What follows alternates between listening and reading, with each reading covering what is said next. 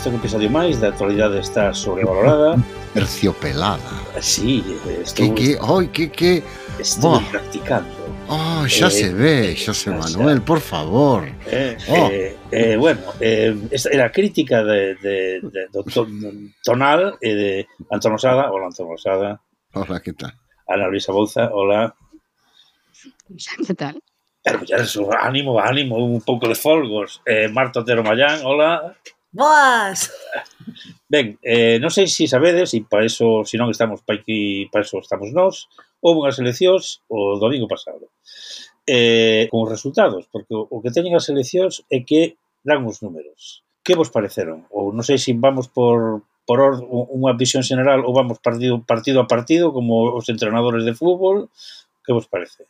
Ai, non sabía que estábamos nun podcast asambleario. Non, non, aquí tienes un moderador, impón, tía. bueno, vamos a ver, que vos parece os resultados do PP? Aparte de... Parecemos un círculo de Podemos. no, parecemos unha asamblea do BNG. Bueno. Eh... Ana Luisa di que no que a cabeza como quen. Non sabedes de que falades. Bueno. Nenos. Bueno, Parecemos, parecemos unha asamblea dunha comunidade de propietarios. bueno, aí, es, eso sí que son, eso sí que son asambleas, e lo demás son tonterías. Vamos ver, que vos pareceu os resultados do PP? Bueno, que eh, tuvo os resultados do PP? Porque tuvo unha serie de votos, efectivamente, pero algo máis... Bueno, eh, o primeiro que ten que facer o PP... Eh, bueno, primeiro, din por aí que que se estaban inflando as expectativas de cambio e co resultado pois non se corresponde un pouco co, co que din as enquisas. Bueno, o resultado se parece bastante o que anunciaban as enquisas, non? Coa excepción do CIS, eu creo que prácticamente ninguén lle daba unha horquilla por debaixo dos 38, non? E agora está entre están 40, hai ese escano aí bailando un Ourense que eu vexo difícil que se mova, pero a mí me parece que o resultado se parece bastante ao que estaba anunciado nas enquisas, non? Eh, outra cousa é que cada un de nós pensara co, co corazón, non?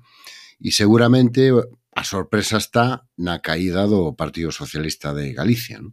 que se está facendo, en que depois falaremos eh, polo mido do, do PSDG, pero se está facendo unha lectura que, que houve como un trasvase de voto do, do PSDG ao BNG, evidentemente houve, non? pero o PSOE perde, si mal non recordo, falo de memoria, pois uns 55.000 votos, e o BNG gana 150.000, 160.000 votos. É dicir, eh, é moito voto que obviamente non ven do PSOE, ven de outra parte, non?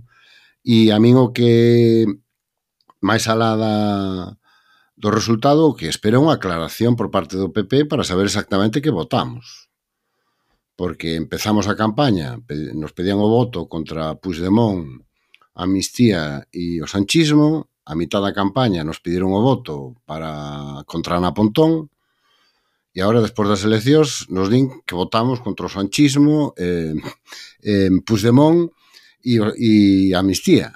Entón, claro, eu neste momento estou desconcertado porque non sei exactamente claro, non sei exactamente en que votamos. Que, que, que, a ver, que votamos? Porque Elige non, tu propia lectura, Antón. Claro, o sea, para que, pa que pediron o voto exactamente, non? E a... A segunda cuestión é que eu creo que comentamos aquí a semana pasada, bueno, foi o noso Alberto que confirmou a tese que defendimos neste podcast de que na última semana nos cambiaron o candidato. Cambiaron o candidato Rueda polo candidato Feijó. E a cousa é tan clara que o propio Alberto recoñeceu o martes pola mañá, creo que foi en Madrid, cando dixo era un plebiscito non? Aquilo que decíamos de que o que se buscaba era que o votante do PP fora con un marco na cabeza que era Feijó sí, Feijó no, Claramente Alberto recoñeceu que ese era o objetivo e ese era a lectura do resultado, non? E depois dende de, a, todo que non é PP, a espera de que me clarifiquen este voto, penso que esta campaña eh, significa un gran salto adiante na construción nacional de Galicia, porque constatamos unha cousa, que Ana Pontón dá máis medo que Puigdemont, Sánchez e Amnistía xuntos. E eso eu creo que para a conciencia, para a construción nacional dun país é un, é un avance realmente eh, que eu celebro como unha victoria como nacionalista que son. Non? Eh, vou, vou, vou explicar eu o do voto PP. É mm, como que dá esmola. A ti aparece un, un paisano así de, por favor, unha ayudita para un bocadillo. Tú dices, bueno, xa será paviño, pero doulle igual. Isto é exactamente o mismo, entendes? Eles dan o voto e xa se verá para o que é a, la, a súa conciencia, se a favor de Alberto, a favor de Rueda, en contra de Puigdemont, e o que sexa. Ana, tú como biche? Bueno, a mí o que máis me molesta destes días pos 18F é este discurso que teñen os partidos e teño que decir que sobre todo as ministras do, do Partido Socialista de que o PSDG prestou os votos ao BNG. E que saiba o Partido Socialista de Galicia que os votos non son deles, son nosos vale? E que estamos tamén en unha época post-salarial para Nos o tema electoral. Decir que os votos non son dos partidos, os votos son das electoras e dos electores. E se si queren que os votemos aos partidos, teñen que convencernos. E o PSDG non nos convenceu, así de claro, pois que non tiveron tempo, que o candidato parecía un paracaidista cando realmente non o era, etcétera, etcétera, etcétera. Todo eso está moi ben, que aprendan e o fagan mellor para a próxima que o faga mellor o para a próxima, para, no para a próxima nos pidan o voto e se cadra yo damos. O voto é noso. Marxismo puro e duro. O voto para que no traballa. Eh, ou, zapatismo. Ou, para quen, ou para quen o viste mellor, ou para o quen o disfruta, ou para quen o que queiras. Pero nos teñen que, que pedir vale. o voto a nós e nos damos yo, ou non yo damos. E que yo demos unha vez non significa que yo demos para sempre. Solo yo prestamos. Prestamos yo catro anos e dentro de catro anos teñen que volver a pedir. E se nos convencen, damos e se non nos convencen, non lle damos. O voto non é deles. A ver se entenden dunha vez, e se cadra, se entenderan, farían mellor as campañas, e, e farían mellor o seu traballo de convencernos. A actualidade está sobrevalorada como escola de democracia. Marta Otero Mayán. Como escola marxista de democracia. eh, sí, a ver. Pois sí, pois a verdade é que pouco queda por encadir. É que me estaban dando ganas de cantar a las barricadas. Sí, sí, sí, despois no, porque cando se, parecía, perdón, cando se fala de trasvase de votos, claro, non se trasvasan os votos. Que sí, muller, que sí, que estamos de acordo. Pero, Pero a ver, Tamén eu, eh, a lectura, a ver, hai un evidente nerviosismo no PSOE que eu penso que tiñan que acoller, digamos, este escenario dun xeito máis pedagóxico para sí propios. e empezar unha reflexión que o PSOE de Galicia, ou, ou o PSDG, perdón, leva anos pospoñendo, mm, e fuxindo cara adiante, vendo como aparecen os seus flancos opcións mm, pois máis atractivas, e os que os galegos somos máis susceptibles de prestarlle o voto, eh, como, poder, como puderon ser Marea nun, nun determinado momento, en Marea, bueno, todo, todo iso que xa non sei cantas decisións se repartiu e, eh, e eh, neste caso Benega, claro, este nerviosismo de falar agora de voto por Estado e tal ven porque evidentemente se ven superados como, como alternativa, quer decir, a alternativa ao PP ata agora sempre foi o PSOE alternativa forte. Agora, está claro que é o BNG, porque ademais hai dous ciclos electorais que apuntaran como tal. Pois hai un nerviosismo que penso que o PSOE tiña que eh, utilizar para facer o ben dentro da súa propia formación e comenzar a facer un proxecto propio eh, un pouco des, des, desvinculado de, do mandato de Ferraz. Porque eso, eu estou en contra de todas estas teses que din que o galego non sabe o que vota, que o galego vota porque ten da Puigdemont. Eu penso que eso non move aquí un, un solo voto. O galego que vota o PP sabe por que o fai eu estou eh, completamente en contra de eh, subestimar a inteligencia da xente rural, da xente bella, mm, como que se, é tan é tan sinxelo deixalos deixar que, que bueno, pois enganalos nese sentido. Eh, e, e o galego penso que é suficientemente inteligente como para saber que partido ten estrutura como tal, estivo traballando voto eses 4 anos. O PSOE a nivel autonómico non o fixo. Quero dicir, non sei quen dicía, penso que era unha editorial de praza, 10 liderazgos orgánicos interinos mm. en 10 anos. Eso non pode ser, quero dicir. Pois eso de Pontón xa era diputada, pois Pontón Pontón conseguiu facer un liderazgo forte. Rueda, pois Rueda non o conseguiu por si, sí, polo, polo seu propio perfil, pero eh, é o candidato PP. E o PP ten un exército de 100.000 fillos de San Luís que son os que se ocupan de mover esa maquinaria. E con estes son os bimbios e con estes hai que facer o cesto. Sí, pero indo por orden, empezando polo PP, a non ser que... Sí. Perdón, pase. perdón.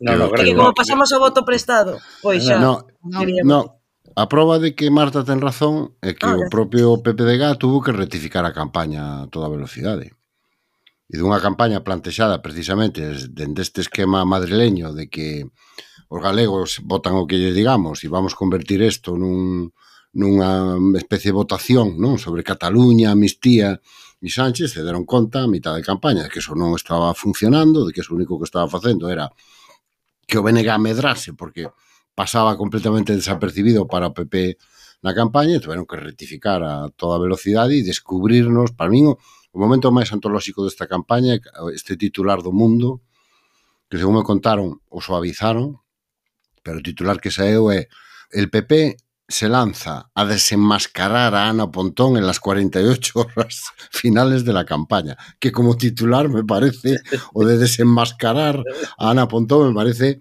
¿no? Que sona esta cosa de, home, Nin que fora eh, Diana, de dar... a, a, de la, a de V, ¿no? A xente aquí vota PP, por que do PP? é que están identificados co PP e son, están orgullosos de ser do PP e consideran, bueno, pois que a xunta é o seu goberno e a súa administración e queren ser gobernados polo PP. Entonces eso non é nin bo ni malo, é así. Entón, é unha maioría social que está claramente... A súa identidade, parte da súa identidade, é ser do PP. Por que? Porque se consideran, se identifican con eles, pensan que os do PP son os que máis se parecen a eles, ao seu xeito de entender o país e como debe ser gobernado. Entón, é un sinal de identidade para para milleiros de galegos. Eso é así, e galegas, é que eso é así. E non, non eh, o que hai que facer para gañar maiorías absolutas, e o facía moi ben Fraga e despois aprendeu a facer Feijó, é activar esa identificación, que foi o que fixeron na última semana de campaña. Activar a identificación frente ao bello adversario de toda a vida, que era o temible nacionalismo que viña este sentarismo, bueno, estas cosas que escoitamos na, na campaña, non? Entón, a partir de aí, eh, a lectura que está facendo o PP de Madrid é unha lectura claramente oportunista que está facendo o propio Feijó e el o sabe, pero bueno, a política é así. E sobre todo a pode facer porque o Partido Socialista lle comprou o marco. E además yo sigue comprando unha semana despois. É dicir, en lugar de salir a decir o que teñen que salir a decir que, mire, é que nós recibimos en Galicia o que sementamos durante 4 anos de non estar na política galega e estar a outra cousa. Non está na política galega. Bueno, hai Pero, claro, se lle compras Sánchez, o marco, hai... se si lle compras o marco de que isto é Feijó contra Sánchez, Sánchez contra Feijó, empezas a mandar ministros e ministras e Sánchez ven aquí a facer promesas como se si isto fora, pois non sei, unha colonia do mundo exterior, non? Pois, claro, lóxicamente o PP o, DS, o LUNS xa paga, pero xa paga porque tú lle compraches ese marco, que foi o que non fixo o BNG. Dicir, un dos grandes acertos do BNG, por eso lle foi tan ben durante a campaña e por eso o PP tuvo que rectificar a toda velocidade, é que o BNG fixo a campaña que soía facer o PP. Galicia, Galicia, Galicia, procurar facer unha campaña moi propositiva, moi en, mm. olvidándose esta cosa que decía Ana Pontón con moita razón das batallitas de Madrid, que iso que funciona aquí, sobre todo nas eleccións galegas, nas xerais funciona outra cousa, lógicamente, nas municipais outra, non? Pero como queda o PP? Bueno, o PP corre contra o tempo. O sea, a gran diferencia que se ten producido nestas eleccións é que o cambio que se, que se acaba de producir é estructural non é eh, coxuntural.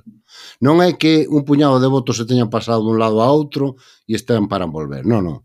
Estamos asistindo a un cambio no que é o electorado galego que é fácil de ver que é que o PP corra contra o tempo, por que? Porque está perdendo electores donde seguirá vendo electores dentro de 4 anos, e dentro de 8 e dentro de 12. E está perdendo electores aí e que solo é forte donde seguramente non haberá tantos electores dentro de 4 anos, dentro de 8 e dentro de 12. Mentres que o BNG, por primeira vez, eu creo, na súa historia, o nacionalismo galego, por primeira vez, polo menos dende que eu teño memoria, corre co tempo a favor.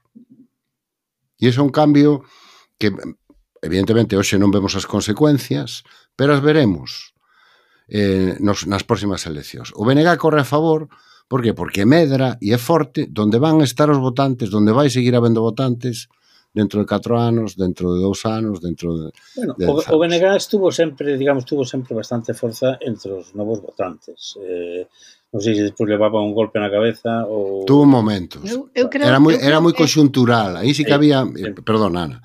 Aí sí que había un coincidía co ascenso puntual do liderazgo A ao liderazgo B. Pero efectivamente era un voto, pero este voto xa xa se veu pa aquí É dicir, a gran, a gran novedade desta, destas eleccións, e por iso apunto que é estructural, a parte do, do volume da victoria do BNG, xa me calo, eh, disculpade, é que cando vas as datos dos preelectorais, che plantea un escenario co que moitos soñamos fai tempo, que que por primeira vez en moito tempo o BNG supera o PP en dúas variables que son críticas nas eleccións galegas, porque son as que miden a identificación que tú tes co, co partido é a primeira opción para os galegos na defensa dos intereses do país, que hasta ahora o era o PP, e é a primeira opción na defensa das señas de identidade do país, que hasta ahora había aí unha, un duelo de titanes entre o PP e o BNG. E aí, de cada dez votantes que tuvo o PP nestas eleccións, dous sinalan o BNG como primeira opción.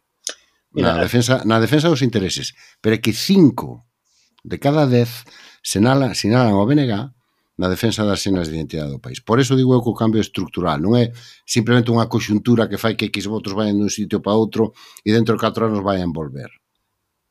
Eh, que vos perdón, eh, que... perdón, perdón. No, quero eh, facer un apunte. Sí, fai un apunte, entendemos... pero eu, eu estou sin turno, pero, pero fai o apunte, fai. Perdón, perdón, perdón. Nada, nada, non, non, no, que quero facer unha pregunta. A ver, Xosé Manuel, veña, fala, No, acaba. no, que, a pregunta que quería facer, pero, primeiro que faga Marta o apunte, porque eu quero facer unha pregunta xeral. Ana Luisa tamén quería falar, interrumpinlle eu. Así que... Todos querían facer apunte. Va, vamos por orden de antigüedade. Eh, primeiro o apunte de Ana Luisa, que estaba antes. Ufa, que o meu apunte igual é longo, eh? Va, a ver, eu creo que hai, hai un, un, tema, un tema de escenario que non se nos pode olvidar, que é un pouco o, o, o lío no que me metín antes, no? Que eu creo que estamos en, un, en unha época, que non sei o que durará, pero que é un pouco diferente a de hai 20 anos, por exemplo, non? O BNG, de, fe, de feito, xa tivo no seu día o voto mozo eh, e o perdeu. Por qué? Porque apareceu eh, outra forza que lanzaba unha campaña e unhas propostas que enlazaban mellor coa xuventude. Nesta campaña o BNG o conseguiu, eso non quere decir que o siga conseguindo, porque como digo, estamos en unha democracia de audiencia, eh, post-salarial no sentido de que as cousas non se van construindo, sino que se moven de maneira bastante caótica que o voto en cada campaña se localiza por obxectivos e quen consigue plantexar obxectivos mayoritarios é o que dá co voto mayoritario e que eh, efectivamente o BNG demostra que o pode facer pero que o fixera agora non é garantía de que o volva a facer. Así que agora, ollando cara ao futuro, teñen moito traballo que facer, no? tanto todos os partidos. Non? Eu creo que, efectivamente, o que di Antón é a lóxica natural de como debería evolucionar a política en Galicia, pero eu creo que estamos en un tempo de pouca evolución natural e moito caos. Política, Pode pasar calquera cousa. Marta, Si sí, eu eh, nada, unha cousa porque non sei se imos ir partido a partido, pero eu como xa me adiantei un pouco co tema do PSOE da súa necesaria acto de contrición, pois vou pasar outro, quería quería dicir unha cousa antes de que pechemos o tema PP, destacar na liña un pouco desto de que o galego penso que sabe perfectamente o que vota, non se deixa engañar mm. por Puigdemont e amnistía, estas cousas, unha cousa que é o coñecemento e o, e o dominio do territorio que ten o PP a hora de facer campaña. O que moitos puidemos en, o puideron, puidemos entender mesmo, eu cheguei a pensalo tamén, que Feijó e Rueda facían campaña por separado para evitar esa foto Despois, pois constatouse que unha das razóns de facer campaña por separado era para que o PP abarcase a maior parte de territorio posible, non? Agora de facer campaña. Mm. É unha cousa que funciona moitísimo en campaña, máis alá pois dos inputs e, das, e dos estímulos por redes sociais é patear o territorio. Eso o PP sabe facer. E isto conecta con outra das, das lecturas, digamos, desa palabra que sei que non vos gusta nada, que son que autocrítica, que, que fixo despois pois certa militancia do, do BNG despois do resultado, que eu penso que non é para facer autocrítica, todo o contrario, que para felicitarse, pero eh, dicían moito isto de que hai que infiltrarse, que o PP está infiltradísimo na sociedade galega, tal, e que hai que infiltrarse pois nas comunidades de montes, ir aos enterros, e como, hostia, aquí hai xente que está propoñendo eh, participar da vida local para obter réditos electorais. Vivir, hai xente que está propoñendo vivir. É como, a ver, idos enterros porque relacionarse. Non, non porque pues, queremos falar as bellas de claro, socializar. Claro, para gañar as eleccións hai que socializar. Sí, Despois, ademais, hai que ir aos enterros porque coñecías o morto e a familia e, e queres pésame, pésame non para buscar votos. Eu, Digo, eu penso que tamén eh, daquela se o problema é que non hai demasiada implantación territorial neses ámbitos, eh, que está facendo unha organización que se define como nacional popular se non está en contacto cos ciclos, círculos... Eso son, eso, popular, eu creo que son un estereotipo, eh, eh, eh Marta? Eso é eh, un estereotipo de xente que quere ir a buscar eh, o sea, a xente do BNG é xente normal e corriente, non son demos que viven na casa e solo viven... salen nas campañas.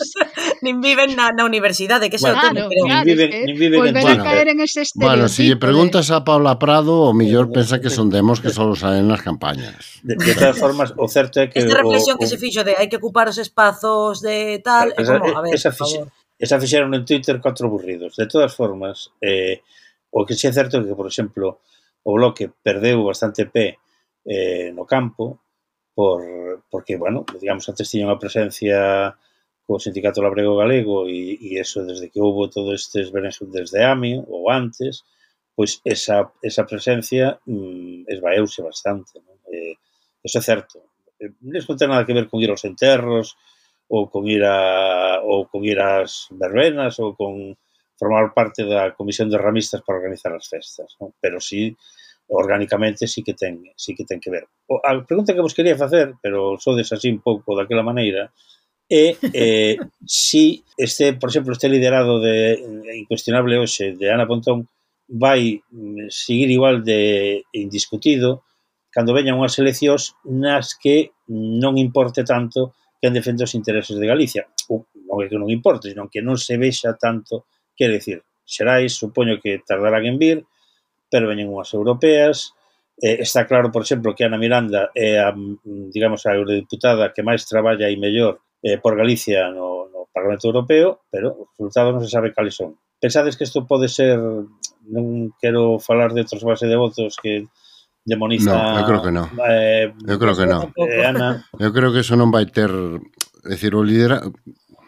é que non é tanto unha cuestión, e menos no BNG, non, non é tanto a, a é dicir, que cambiou, hai dúas cousas que cambiaron con respecto a, a fai 20 anos, non? A primeira é que o PP xa non é o que era e o PSDG xa non é o que era. E a segunda é que o proxecto de, de facer este discurso nacionalista pero incorporando elementos máis transversais, buscando outro tipo de votante que se move máis polas políticas e pola, polas solucións que ofertas, a esta vez están acompañando os resultados electorais. E non a organización política, a diferencia son os resultados electorais. Entón, eh, o BNG, mentras eh, os resultados electorais acompañen as eleccións galegas, non vai haber cuestionamento do electorado, porque o propio BNG sabe cales son as súas limitacións e sabe a que pode aspirar no ámbito das eleccións europeas e sabe tamén que lle falta estructura para competir nas eleccións municipais. É dicir, cando falamos de que o BNG ten que ocupar determinados espacios, eu non falo de ir aos enterros, eu falo de expandir a organización. É dicir, tú tens que xerar unha organización que sea capaz de atraer xente, que o seu objetivo sea, tea, sexa ter xente. Non unha organización que o seu objetivo sexa manter o control da organización. Entón, hai que incorporar xente á organización. Esa é a única maneira na que vas poder reducir o que eu penso que é un dos grandes desequilibrios que ten que corrixir o BNG nos próximos 4 anos estratégicamente. Que é que medras moito nas provincias da Coruña e Pontevedra e medras menos nas provincias da Coruña e Lugo. E tes que medrar nas provincias, tes que medrar nas provincias, perdón, de Lugo e de Ourense. Tes que medrar nas provincias de Lugo e Ourense, porque senón é prácticamente imposible desbancar a maioría absoluta do Partido do Partido Popular. ¿no? Decía antes Ana, e tiene razón, que o, o voto ahora mismo a democracia de audiencia, creo que dixeches, non? E o voto é... Eso é certo, pero tamén é certo, se te fixas, que quen, quen, quen obtuveron as mellores resultados nestas eleccións? As dúas organizacións políticas, que teñen realmente organización e implantación en todo o territorio. Os dous partidos dignos de tal nome. Os dous partidos, efectivamente, porque o PSDG é moi forte a nivel municipal, pero a súa gran debilidade, excepto na época de Touriño, e foi algo coyuntural, é que a estrutura galega non ten peso ningún. A estrutura galega é o resultado do equilibrio dos poderes municipais. Non? E aí está, eu penso, o camiño estratégico que ten que seguir o BNG. E aí, sinceramente, con que argumento vas cuestionar o liderado de Ana Pontón? É dicir, as expectativas do BNG son as que son. Nos, o BNG é unha forza que compite e ten que competir nas eleccións galegas, que ten que reforzar a súa posición nas municipais e que en, nas eleccións europeas somos o que somos. É dicir, cantos millóns de votantes somos? Que peso temos? Podemos conseguir o que podemos conseguir eu creo que ollando o futuro o resultado do Benega non pode ser visto como un fracaso, nin bueno, atribuir hombre, é unha gran fracaso victoria. a Ana Pontón ao, ao liderado de Ana Pontón. É unha victoria eh, espectacular. É unha victoria histórica. No, no me refería, e ademais é unha posici un posicionamento de Ana Pontón non solo como líder do Benega en Galicia e futura presidenta, inxalá, senón como eh, unha líder estatal, no? Eu creo que unha das eivas do BNG era a súa proxección a nivel estatal e en este momento Ana Pontón ten unha presencia a nivel estatal casi como se si ganara as eleccións. Non sei o oh. que durará, pero Do coñecemento non se volve atrás, abre aí unha porta para que a súa voz sexa escoitada a nivel estatal a mesma altura que pode ser escoitada a do PNV ou a mesma altura que pode ser escoitada a da RC, independientemente de que a representación do BNG no Congreso dos Diputados sexa moi, moi, moi minoritaria. No? Creo que eso é un antes e un despois, e eu creo que eso tamén contribuye a que dentro de Galicia, digamos, se destruya ese estigma que había no BNG e que Ana Pontón conseguiu demoler de ser, eh, de vivir cara adentro, de no relacionarse, de, de, de ser unos enterros. cocóns, de no sé qué, no sé cuánto. Quen pode decir iso do BNG despois do, deste campañón de Ana Pontón? Quen o pode decir? O sea, é que eu me gustaría que o CIS medira o nivel de coñecemento de Ana Pontón en España, porque igual nos levábamos unha sorpresa, non? E de aí eso non ten marcha atrás. O sea, Ana Pontón en este momento é o maior activo que ten o BNG de cara ao futuro, sin duda ningunha. Como van renunciar a ela? Eso é imposible, non? Mm. Marta. Bueno, ela seguro que ten algo que dicir tamén, porque se que traballa di, eu non podo máis con esta xente, votáis mal. Por agora, por agora está dicindo que sigue, sí. non? Claro, sí. é que, a ver, aquí hai... A ver, o eterno... unha semana despois de dicir que non, tamén que como, como para matala. Un non? pouco eterno debate, non? Estou, vamos, eh, non podo estar máis de acordo con, con Ana Luisa no tema de que é o maior activo político do BNG e, e máis, é unha das grandes figuras de referencia a nivel estatal agora da política galega, quero dicir. Mm, non, non pode ser que, porque eu escoitei a moitísima xente, bueno, se desta non vai, na pontón ten que marchar. Por que? En que momento nos rendimos un pouco este tema dos liderados efímeros? Pois, a ver... Que digan a Rajoy Non, pero que Rajoy eh, gañou as eleccións a terceira, eh, Aznar tamén, se non me equivoco. Mm, aquí parece digo. que hai que cortar a cabeza cando as cousas non veñen vendadas nas urnas. A política Amazon, a sí, política como... Amazon. Quero gobernar esta tarde. Claro. Ou, os, o, quero dicir, non é compatible pois estar con este tema de hai que dimitir e asumir responsabilidades por un mal resultado, que non o é, repetimos, e eh, despois con este tema de apuntalar un proxecto, estas cousas. Eu agora mesmo non vexo por ningún lado a, esa, esa autocrítica que ten que facer, o sea, non vexo, quero dicir, non me quero expresar mal, non vexo que o BNG agora mesmo teña que facer autocrítica, se acaso ten que manter o rumbo, e eh, manter o rumbo quere dicir manter a súa líder. Eu estou, o que ten que, vamos, o que ten que, o que ten que facer é un análisis de por onde pode medrar claro, e por onde ten que medrar e que ten que facer para medrar. Mm. E hai outro, outro elemento no posicionamento de Ana Pontón que para mí é capital. Dizer, hai un, unha constante que se mantivo invariable na política galega dende que dende que volveu Fraga que eh, o líder do BNG era radicalmente rexeitado polos votantes do PP e o líder do PP era radicalmente rexeitado polos votantes do BNG. Bueno, estas eleccións, a gran ventaxa que, ten, que tivo na Pontón frente á Rueda, igual que Feijó tiña esa ventaxa antes eh, nas eleccións, é que o candidato do PP suscitaba un resitamento moi alto ao nivel do de sempre, non? Entre os votantes nacionalistas, unha parte dos votantes socialistas, pero Ana Pontón eh, suscitaba un resitamento relativamente baixo entre os votantes do PP. É dicir, o normal era que o candidato BNG recibira o resitamento da mitad dos votantes do PP. Mais. Manuel conseguiu baixar a un 19, segundo o CIS.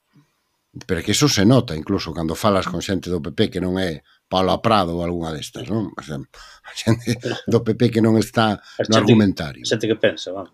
No, xente, xente que é que No, a cuestión de identificar, mira, a cuestión de identificar na, na, na, que se poden chegar a sentir identificados con ela. Pero é que esa é a clave das eleccións, en calquer, pero en Galicia aínda máis. Pois a gran fortaleza do PP é que a xente se identifica co PP. E a gran fortaleza que foi gañando Feijo é que a xente se acabou identificando con él. Entón, ata agora había unha parte da poboación que na vida se vai sentir ou se iba a sentir identificada nin con nacionalismo, nin co BNG, nin co candidato do BNG. Bueno, ese é o teito que se rompeu nestas eleccións. Hai moita xente que xa lle votou porque se sinten identificada con ela e hai moita xente que que está disposta a sentirse identificado con ela, incluídos os votantes do PP. É que ese é o cambio estructural do que eu levo falando unha semana, non? que se acaba de producir. Isto non é un mero non é un mero balance de votos.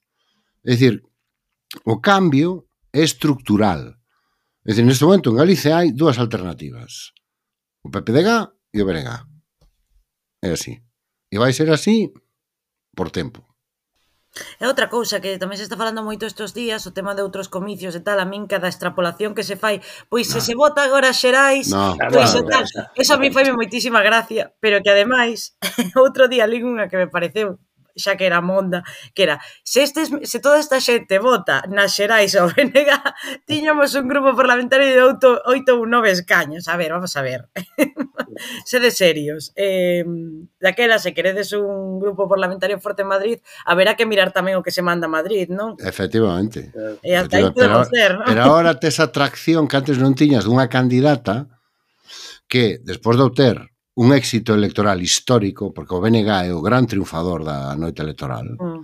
eh, ten proxección a nivel estatal e demostra que se pode ter voz a nivel estatal e que non é necesario votar a un dos partidos estatais para ter peso non só nas institucións, sino na conversación pública e no debate público. Uh -huh. E as extrapolacións, home, menos mal que, que non chegamos... Referencia, e que claro, sea unha referencia das cadenas generalistas A ver que opina desto Ana Pontón, eso é un cambio, eso é un antes e un despois, no, de de destas destas eleccións. A min tamén me parece coincido, eh, eh fundamental. E esta como é transposición de resultados electorais, Tra, eh, transposición. Transpolación. Extrapolación. Extrapolación. Extrapolación. Extrapolación. É darlle unha volta máis de rollo a pensar que os que os que os votos son deles, non? Sí. Na miña teima de hoxe. É dicir, bueno, se, hai, se hai un, un, unha comunidade ou un, un rollo electoral, un territorio electoral, digamos, donde se mm. demostra claramente que as galegas e os galegos. Decidimos en cada elección por obxectivos en Galicia. Bueno, bueno, e que non se pode extrapolar de unas Voto elecciones dual, a outras e en Galicia. Xa non é dual, porque será trial. en este... Como, ainda non chegamos... Voto ainda, cuatrial, faltan as europeas. Chegamos, ainda non chegamos ao paroxismo total das extrapolacións que foi o que se produxo despois do 23 de xullo cando salían aqueles artigos explicándonos que si Cataluña non hubiera votado, o PP gobernaría por maioría claro. absoluta. Que aquelo, aquelo, xa, xa, aquelo sí que era extrapolar, pero extrapolar. No, e non vamos falar nada do, do da, da operación que hai que montar para salvar a Besteiro, ou non? Eh. No. Sí. Ah, sí, sí. Do bueno, gran danificado. Apúntome, no? eu apúntome. Do podcast. A mí me parece increíble co, co eh, bueno, o PSD está claro, que ten dúas opcións. A de sempre, que vamos a matar o que sí, perdeu. Sí, pero e vamos a... a quen? Pa poñer a no, quen? pa, un, un, no, un miracle man, un home mirago, que, ou unha muller mi, milagre que veña aquí e faga o imposible, que, que a xente nos vote, ainda que estemos 4 anos desaparecidos da política galega. Que iso sí que sería para estudiar e para ensinar en todas as facultades de ciencias políticas do mundo. Miren, aquí teñen un partido que sin facer nada en toda a legislatura dedicarse únicamente a andar peleados, peleados entre eles chegan as eleccións e presentaron unha candidata, un candidato que fixo o mirague de sacar 27 diputados. Ou optan polo camiño que hai que facer en política, si queres ter eh, un bo resultado electoral, que estar traballando 4 anos e construir un futuro, un pro, máis que un futuro, un proxecto de futuro que resulta atractivo. Pero que eso non se fai tres meses das eleccións. A min, esto recórdame aquelo de Pío Cabanillas, de Pío, piden tu cabeza e, e, e para usala.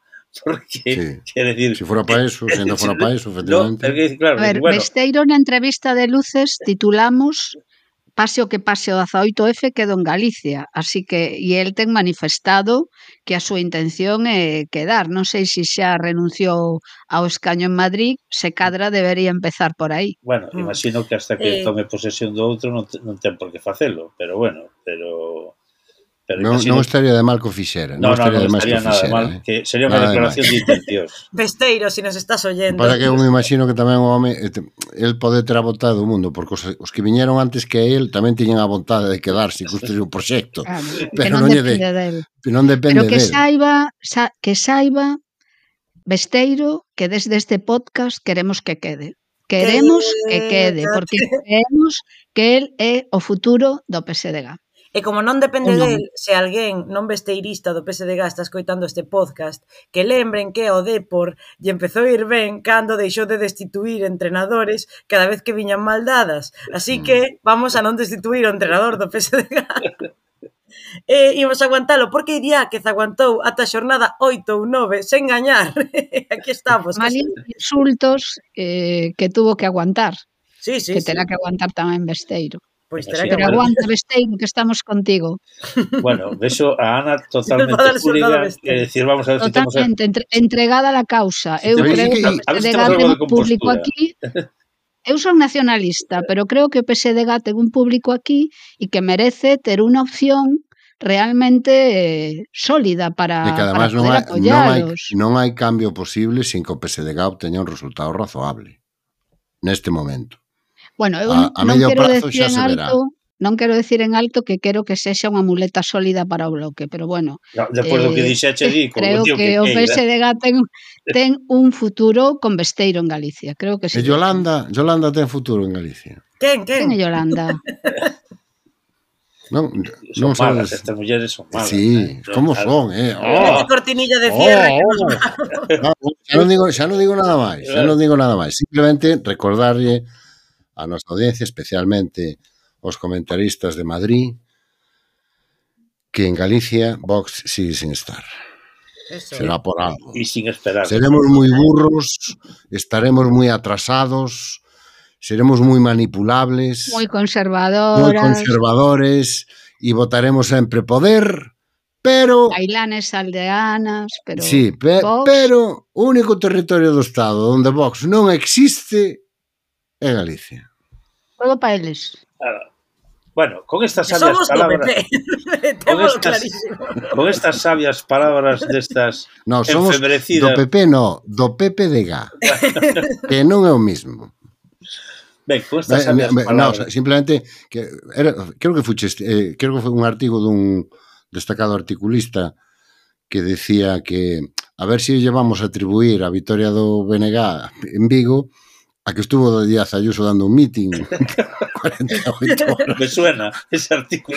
Se sona, non? ¿Sí? Se ofrece unha reflexión que, porque xa, pero se si eu estuvera en alguna destas estructuras en Madrid, diría, no, no, a Vitoria BNG en Vigo se explica porque foi ali Díaz Ayuso e dixeron os votantes do PP. Ai, Dios mío. pero esta señora, pero esta muller que dio. En fin, bueno, eh, eh, terceiro intento. Con estas sabias palabras eh, nos despedimos hasta o próximo e que seguiremos falando do que faga falta. Ana Luisa Bouza, ata a próxima. Ata a semana, chao. Antón Losada Trabada, ata logo. Pray for Besteiro. Eh, Marta Tero Mayán, Dialgo. Ata logo. Que original. Veña.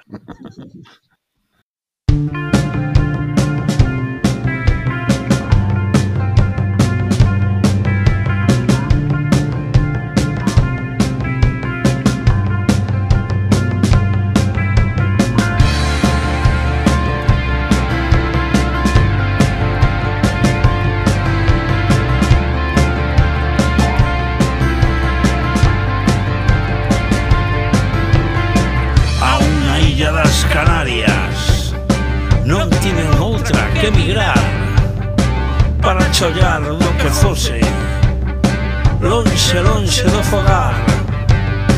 É que me invade a morriña Da patria de Breogán. Cando os coitos resentidos É que me boto a chorar. A chorar.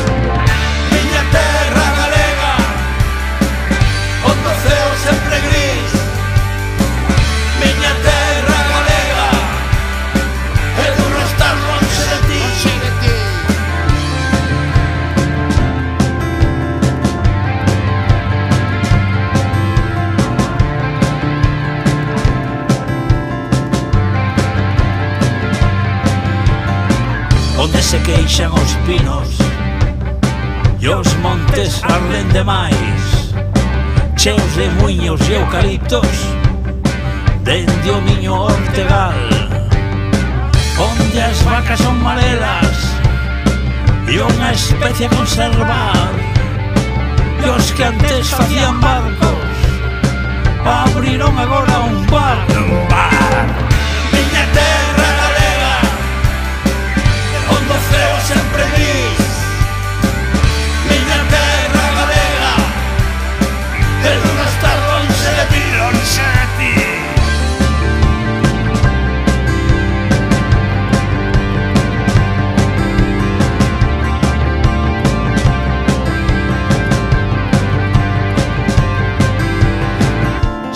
en Joyer no Jacobeo.